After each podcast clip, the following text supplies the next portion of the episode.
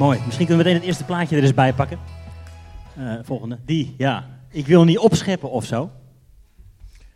Maar ik heb ondertussen al wel vijf keer het einde van de wereld overleefd. Nou, dat geldt voor de meeste van ons zoals we hier zitten. 23 september hebben we overleefd. De meeste van ons toch? Ja. Misschien heb je het meegekregen, misschien niet helemaal, maar de wereld zou vergaan op 23 september. En dat was voorspeld aan de hand van bijbelteksten en wat, wat uh, cijfers en data enzovoort. Dus een christelijke wetenschapper die kwam daarmee aan. 23 september, het einde van de wereld. Nou, ze hebben er meer gehad in het verleden. Gelukkig is het allemaal niet doorgegaan. Gelukkig zijn we er nog blij mee.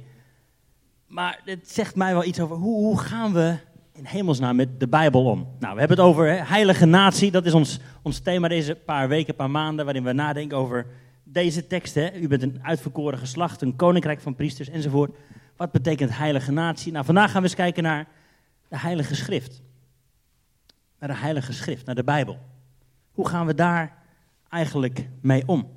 En vandaag mijn doel is eigenlijk, en dat is altijd als we hier samenkomen, mijn doel is dat je meer gaat houden van de Bijbel. Dat je meer gaat houden van de God van de Bijbel. Dat je meer gaat lijken op en kijken naar Jezus. Dat is het hele doel van vandaag als we de Bijbel is onder de loep nemen. Want ja, wees nou eerlijk, die, die, die voorspellingen, dat is maar één van de dingen die dan in het nieuws komt, hè, over de Bijbel.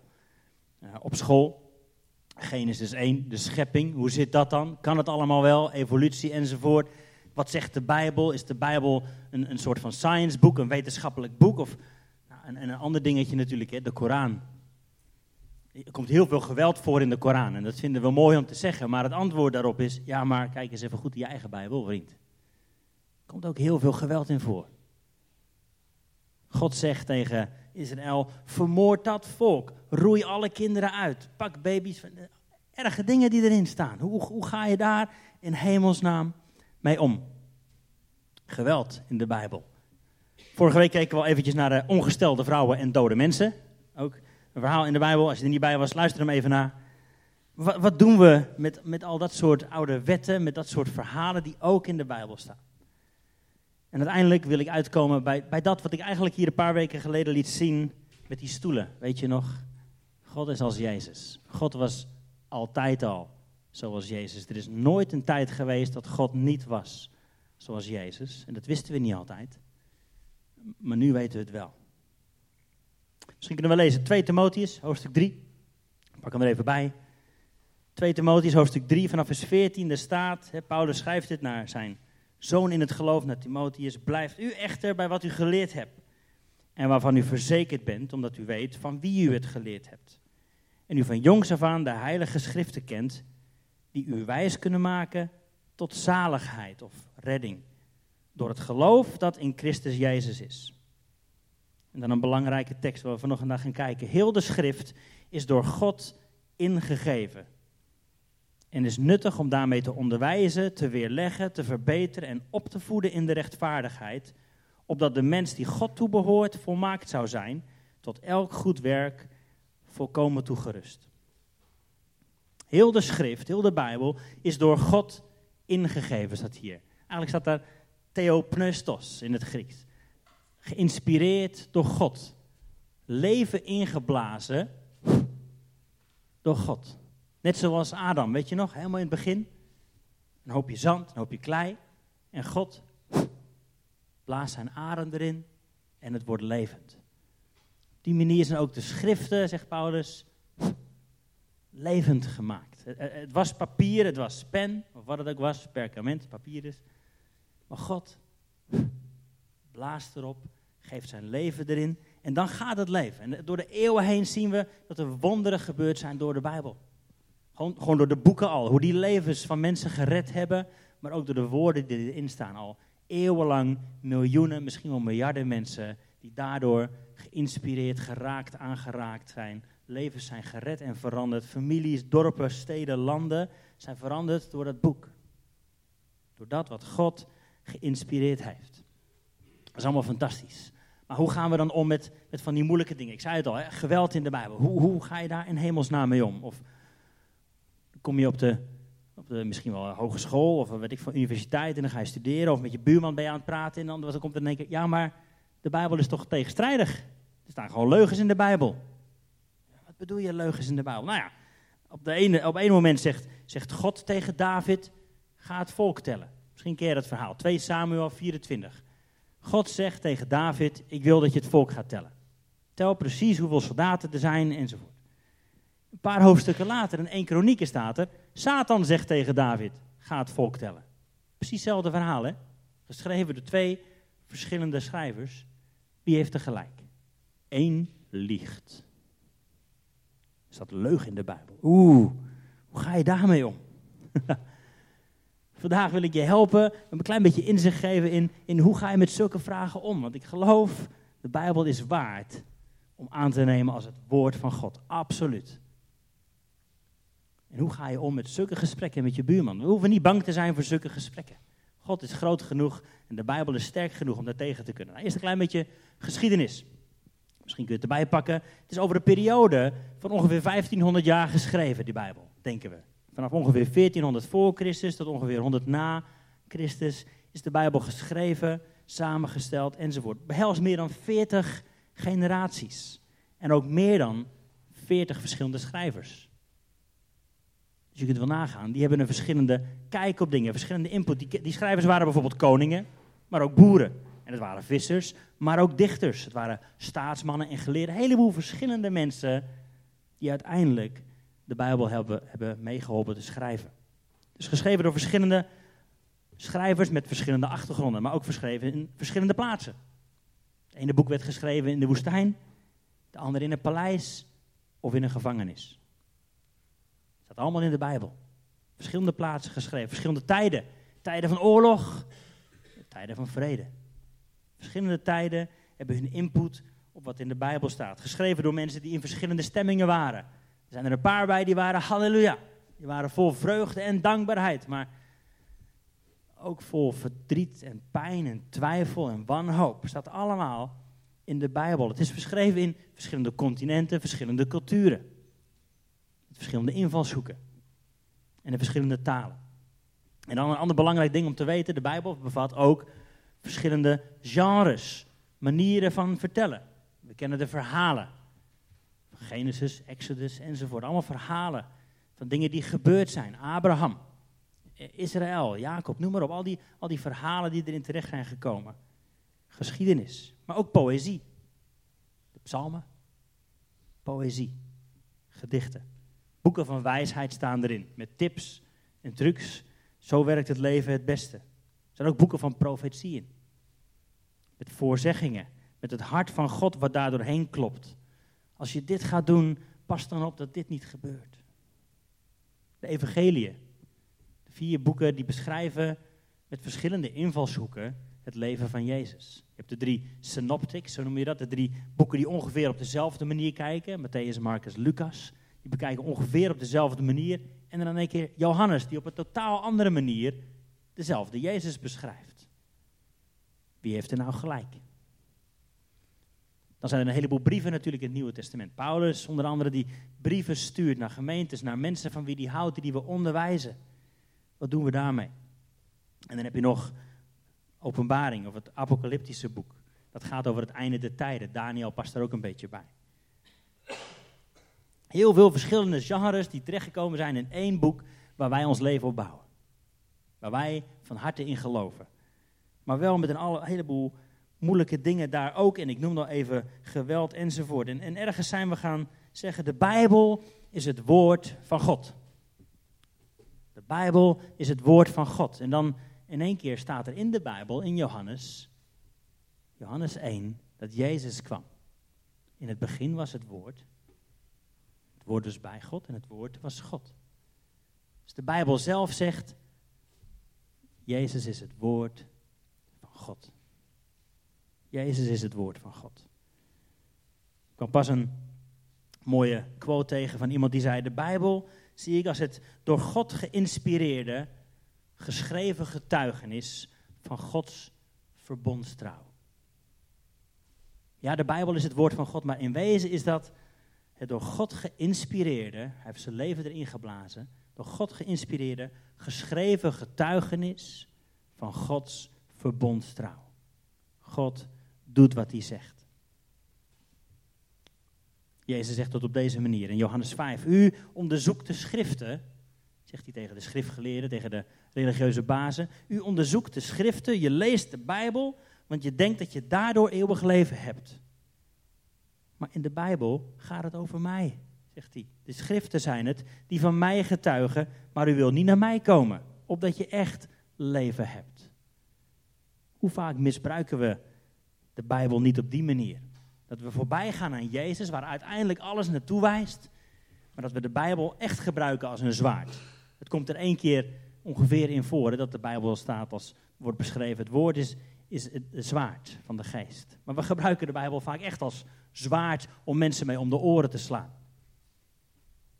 Er wordt heel veel misbruik van gemaakt. Misschien ken je die ene wel, dat een man zich probeert te laten inspireren door de Bijbel en hij slaat willekeurig een boek open, prikt met zijn vinger en er staat, en Judas verhing zich. Oh, uh, wat moet daarmee? Nog een keer proberen, God. Een paar bladzijden verder, prikt weer met zijn vinger en er staat, ga heen en doe even zo. Hmm. Op die manier kunnen we de Bijbel ook misbruiken. Soms met de beste bedoelingen van de wereld, maar dat gaat niet altijd goed natuurlijk. Maar hoe lees je de Bijbel wel? Nou, ik zei al, de Bijbel is niet, niet geschreven door God. Dat is wat je misschien in gesprekken met, met atheïsten, met mensen om je heen wel eens zult hebben. Ja, maar de Bijbel is toch geschreven door God? Hoe kunnen dan al deze dingen erin staan? Jij zegt, God verandert niet. En waarom staat er hier dan in, maak volken dood? God verandert niet, toch? Hoe, hoe zit dat dan? Bijbel is, tada, niet geschreven door God. Het is geschreven door mensen zoals jij en ik, in een cultuur, in een plaats, in een omstandigheid. En vanuit hun perspectief, op wie zij denken dat God is, hebben ze naar waarheid dingen opgeschreven. Je kunt heel veel dingen zeggen van de Bijbel, maar dit is een echt boek. Met alle pijn, verdriet, moeite, twijfels enzovoort. Met alle fouten die bijvoorbeeld het volk Israël gemaakt heeft. Dat staat allemaal netjes opgeschreven. Als ze echt beter hun best hadden gedaan, was het misschien een veel mooier boek geweest. Maar er staan een heleboel fouten in. Die mensen gemaakt hebben. Oprecht, ze willen Jezus volgen, ze willen God volgen. Maar een heleboel dingen die daarin beschreven staan, zijn moeilijk. Nou, ik heb een paar dingen opgeschreven die ik misschien kunnen helpen om, om de Bijbel te tackelen in je eigen lezen. Moeilijkheden te tackelen als je zelf leest of in gesprek met andere mensen. Een paar veelgemaakte fouten. Ik zag pas deze lijst. Ik dacht, ja, maar dit, dit, dit, dit is, hoe noem je dat? Nail zit in het Engels. Hoe noem je dat? De, ja, precies, die. Dankjewel. Dit is nail zit. Een van de eerste fouten is bijvoorbeeld een statische benadering. De Bijbel is geschreven door God. God verandert niet, dus de Bijbel en alles wat erin staat, het woord is eeuwig geldend. Dat is een van de, een van de meest gemaakte fouten. Nou, noemde al, vorige week hebben we even gekeken naar bijvoorbeeld ongestelde vrouwen en, en dode mensen. Sommige dingen zijn niet statisch. Alle, alle dingen die we lezen met betrekking tot, tot kleding of de, de Shabbat of onreinheid. Dat is geen statische opsomming van wie God eigenlijk is. De Bijbel is dynamisch en progressief.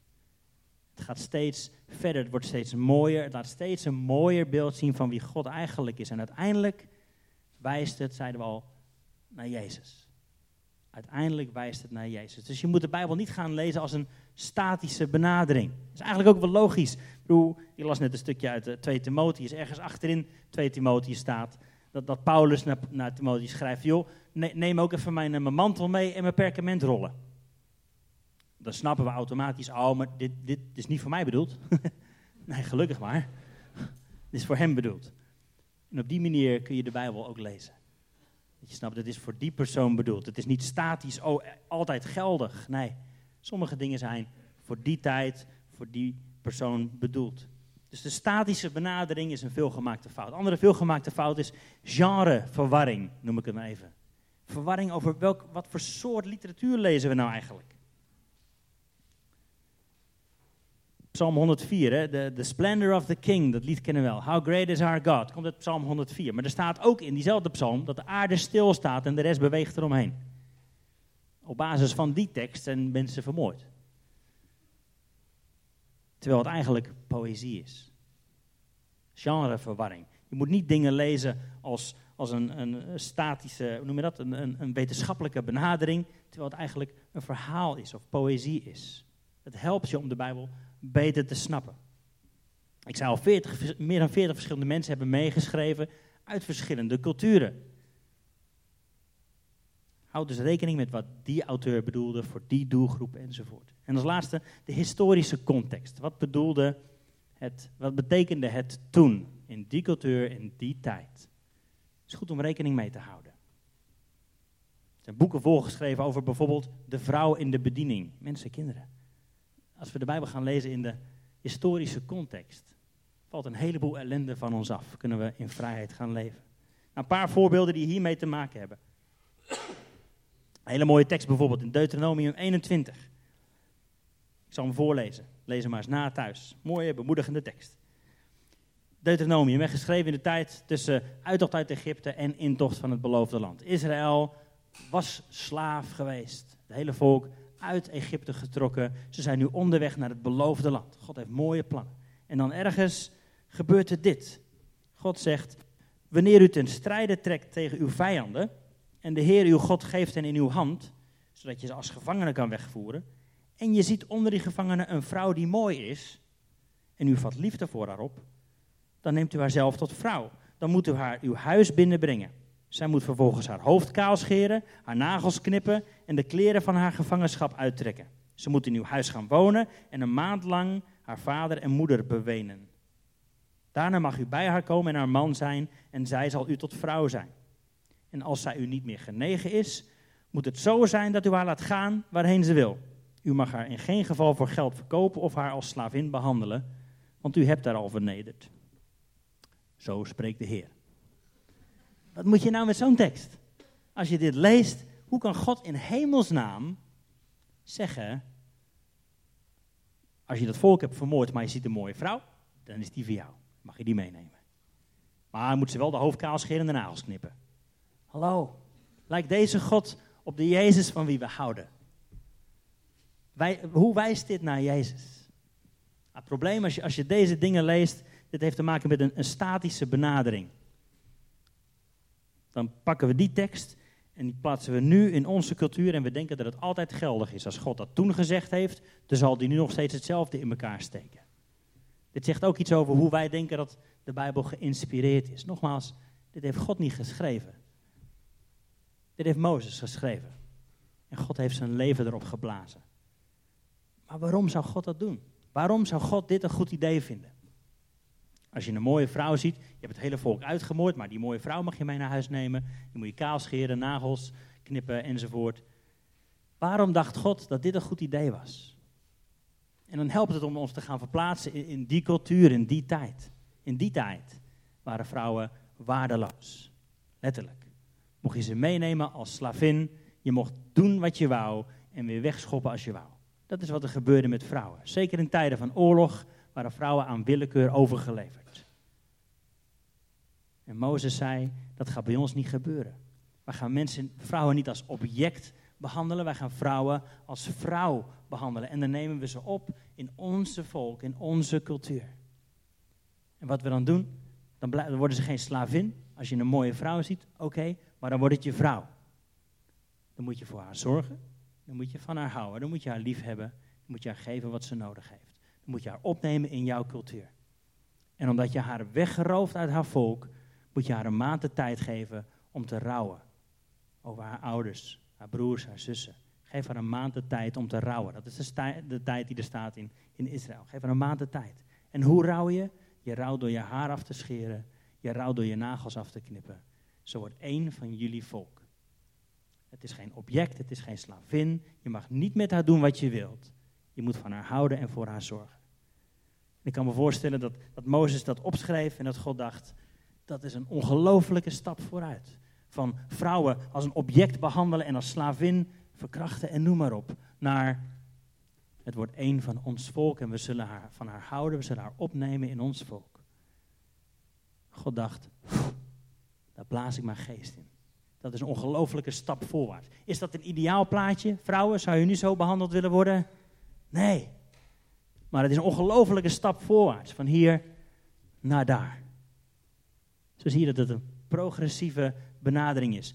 Ze stonden hier. Vrouwen werden door alle volken op een afgrijzelijke manier mishandeld en misbruikt. En God zegt door Mozes heen: weet je wat, dit is een flinke stap voorwaarts. Ik zegen dat, het is een stap in de goede richting. Zijn we er? Is dat wat Jezus zou doen? Nee. In het Nieuwe Testament zien we dat Jezus nog veel en veel en veel verder gaat. Maar dit was een ongelofelijke grote stap in de juiste richting. Zo zie je dat de Bijbel niet statisch is, maar God telkens mooier laat zien. Dus geen statische benadering. Dat is niet hoe God eigenlijk echt is. Nee, maar het is wel een stap in de juiste richting. En als je haar dan zat bent, staat hier, dan mag je haar niet verkopen, dan moet je haar vrijlaten.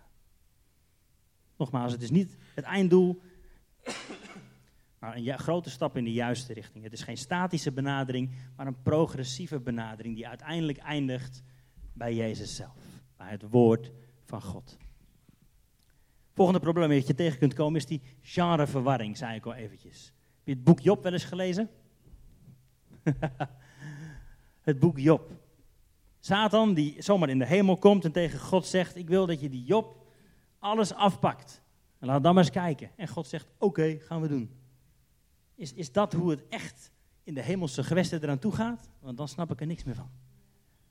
Dan snap ik er niks meer van. Hoeveel mensen kijken niet naar dat boek Job? Ja, de Heere geeft, de Heere neemt en het zal allemaal wel.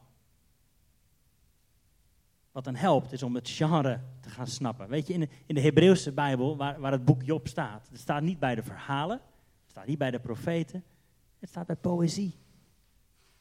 Het staat bij poëzie. Het is een gedicht. Het is waarschijnlijk geschreven toen Israël in ballingschap zat. En in een situatie zat waarin ze dachten, is God nog wel Heer? Klopt dit allemaal nog wel? En toen zijn ze een gedicht gaan schrijven. Soms pakt een gedicht het veel mooier samen dan een plat verhaal. Met een uitleg. Door het gedicht, door die manier van schrijven, kom je bij het gevoel van de hoofdpersoon.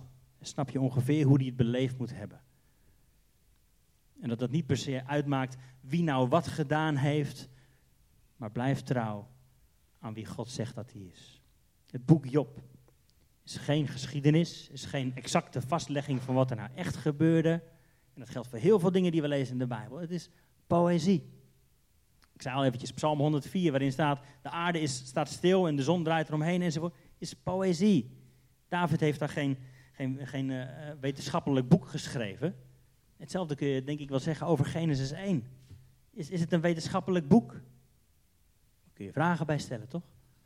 Is het zo bedoeld? Heeft, heeft, heeft het volk Israël het ooit zo opgevat als, oh, nou, dan zal het wel echt zo gegaan zijn. Genre, verwarring.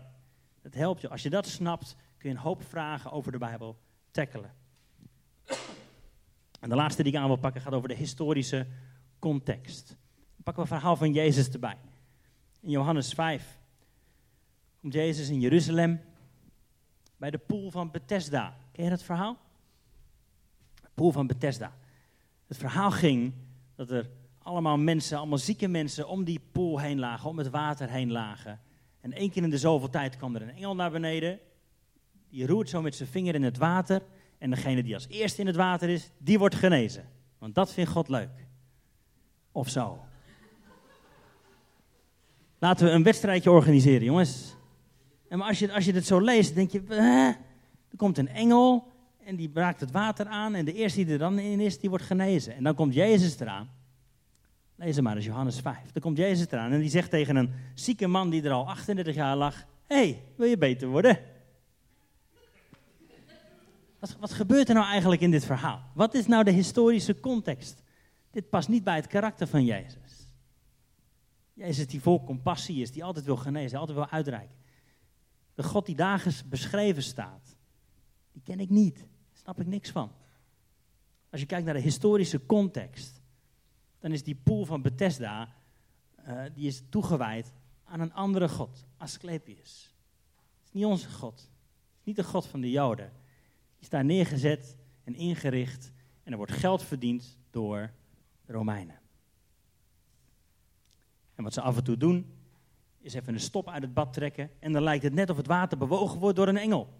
En degene die daar dan als eerste in kwam, die was waarschijnlijk toch al genezen, die begint te roepen, yes, ik ben genezen.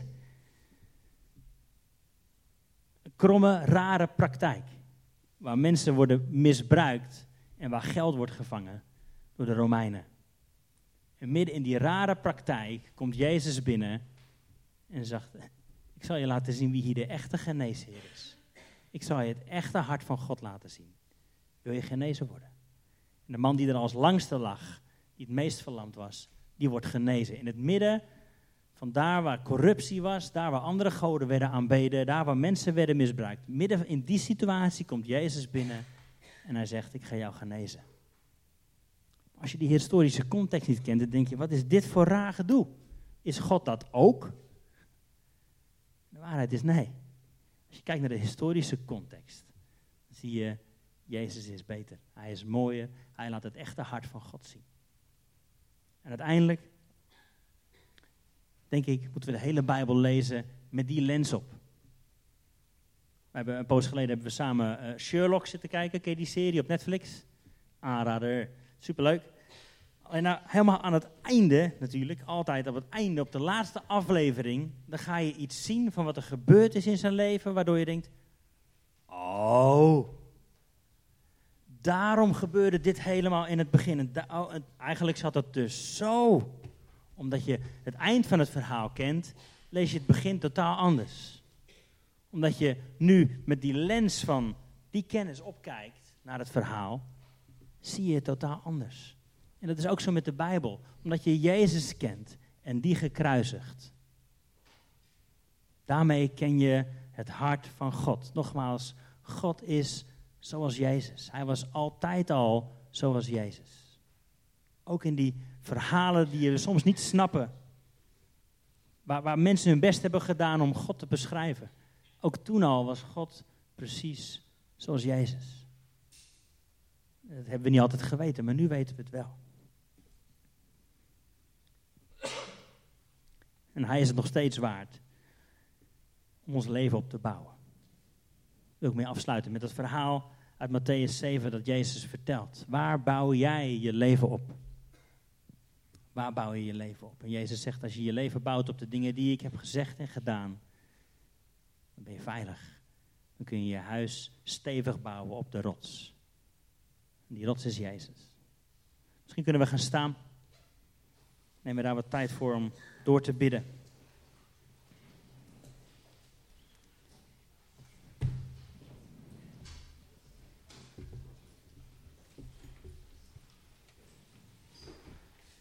Jezus, dank u dat u het woord van God bent.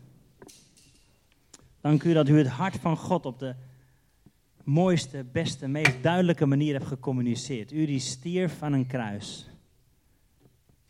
Daarmee uw leven gaf voor ons. U heeft laten zien wie God echt is. Een vader die met zijn armen open staat. Een God die ons omarmt midden in onze duisternis, midden in onze ellende. Die niet wacht tot wij goed genoeg zijn, maar die naar ons uitkijkt en naar ons toekomt. Telkens weer heeft u het hart van God laten zien, Jezus. Ik wil bidden dat u ons helpt als we de Bijbel gaan lezen, als we verhalen gaan lezen, om te kijken met die kennis, met die waarheid. Zodat woorden ook in ons hart waarheid zullen worden. Dat wat u spreekt door uw woord heen, door de Bijbel heen dat altijd wijst naar het levende woord, naar Jezus. Help ons daarbij, Dat het ons leven vormt, maar ook naar buiten toe, dat we mensen daarop kunnen wijzen, op het levende woord. Dat we de Bijbel niet langer misbruiken, maar gebruiken om geïnspireerd te worden en om andere mensen te inspireren. Met uw liefde, met uw leven, met uw genade. Help ons telkens weer om ons leven te bouwen op de rots. Misschien kun je heel eenvoudig je handen openen. Zo voor je, heel eenvoudig. Willen u uitnodigen, Heilige Geest. Maak uw woord levend in ons. Help ons te bouwen op Jezus de rots. Help ons om ons leven te bouwen op uw woord. Uw woord is de waarheid. En uw waarheid maakt ons vrij. Je maakt ons vrij.